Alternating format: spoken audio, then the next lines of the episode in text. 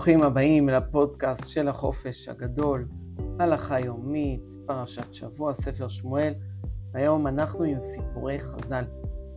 היום נלמד על רבן יוחנן בן זכאי. היה תלמידם של הלל ושמאי, והוא מיוחד. למה הוא מיוחד? חוץ מהמעלות הרבות שעוד מעט נלמד עליהן, והוא גם היה בדור החורבן, חורבן בית המקדש השני, קוראים לו רבן. למה רבן? למה לא רבי? כי הוא היה נשיא. נשיא זה הדרגה הרוחנית הגבוהה, שהרב של כולם, שהוא מנהיג את עם ישראל מבחינה רוחנית. ולכן קוראים לו רבן. אז למה הוא היה מיוחד? היו הרבה רבן, רבן גמליאל, רבן שמעון גמליאל, שושלת הנשיאות. כי כל שושלת הנשיאות יצאו מהלל. ולמה דווקא מהלל? מה הבעיה מאחרים? כי הלל היה צאצא של דוד המלך. אנחנו יודעים שההנהגה בעם ישראל היא שייכת לשבט יהודה, לדוד והצאצאים של דוד. ולכן עם ישראל קיבל עליו שהמנהיג הרוחני, המנהיג גם הגשמי, יהיה מצאצאיו של דוד, רבן יוחנן בן זכאי לא היה מצאצאיו של דוד, אז הוא לא היה אמור להיות נשיא. אבל בגלל התפקיד הגדול שהיה לו בדור החורבן, הוא היה המנהיג הראוי להנהיג את עם ישראל בזמן חורבן בית המקדש השני, ולכן אה, הוא היה רבן, למרות שהוא לא היה משושלת אה, דוד המלך. רבן יוחנן בן זכאי היה מהדור הראשון של התנאים, קיבל את התורה מהלל ושמאי, סוף תקופת הזוגות. אמרו עליו, על רבן יוחנן בן זכאי, שלא הניח, הכוונה, למד הכל, מקרא, משנה, גמרא, הלכות, אגדות, דקדוקי תורה, דקדוקי סופרים, גזרות שוות, תקופות, גימטריות, ועוד דברים יותר עמוקים. שיחת מלאכי השרת, שיחת שדים, שיחת קלים, שאלות כובסים, שאלות שואלים. כלומר, היה יודע דברים בפשט, בדרש, דברים עמוקים שרק גדולי אה, ישראל אה, ידעו, ואמרו עליו שמימיו לא סך שיחת חולין. כלומר, הוא לא דיבר סתם ככה על אבדה, אלא תמיד היה קשור לדברי תורה. לא הלך ארבע אמות בלי תורה ובלי תפילין, בלי לימוד תורה, בלי תפילין. פעם היו הולכים, זאת המצווה המקורית, שצריך ללכת תפילין כל היום, חוץ מהלילה. והיום, שאנחנו פחות שומרים על הגוף שלנו, על הטהרה של הגוף שלנו, על הנקיות של הגוף שלנו, חכמים אמרו לנו שאנחנו את התפילין אה, שמים רק ב...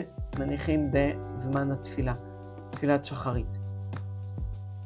לא קדמו אדם לבית המדרש, תמיד הוא היה ראשון. לא ישן בבית המדרש, לא שנת קבע ולא שנת ארעי, לא הניח את הראש, הוא עייף. לא ערער בדברי תורה במבואות המטונפים, ליד הזבל. לא הניח אדם בבית המדרש שיצא, כלומר הוא תמיד יצא אחרון. לא מצאו אדם יושב ודומם, סתם, אה, חושב על הים. לא, יושב ושונה ולומד. לא פתח אדם דלת לתלמידיו, אלא הוא בעצמו. ולא אמר דבר שלא שמע מפי רבו מעולם. כלומר, עסוק כולו בדברי התורה, אבל יודע להנהיג את עם ישראל.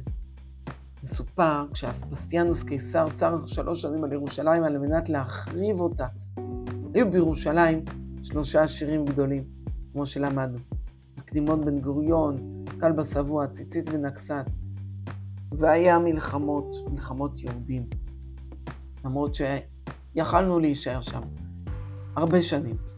חכמים 21 שנה.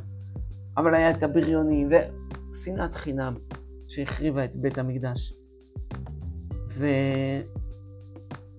ואחד הדברים כדי להציל את ירושלים, לא להציל את ירושלים, את בית המקדש, אלא להציל את עם ישראל, מי שיישאר, את אה, שושלת רבי צדוק ואת אה, יבנה וחכמיה, הוא עשה את עצמו כמת, הוציא אותו מירושלים, הלך לאספסיאנוס קיסר, והציל מה שהצליח להציל.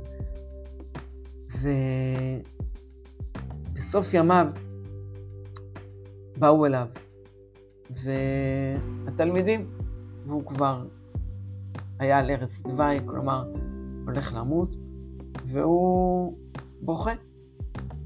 אתה בוכה? אתה שלא עזבת את התורה מימיך? הוא אומר, נכון, לא עזבתי את התורה מימיי. אבל לפעמים אדם מחליט החלטות בחיים, והוא לא יודע אם השם שמח בהם או לא.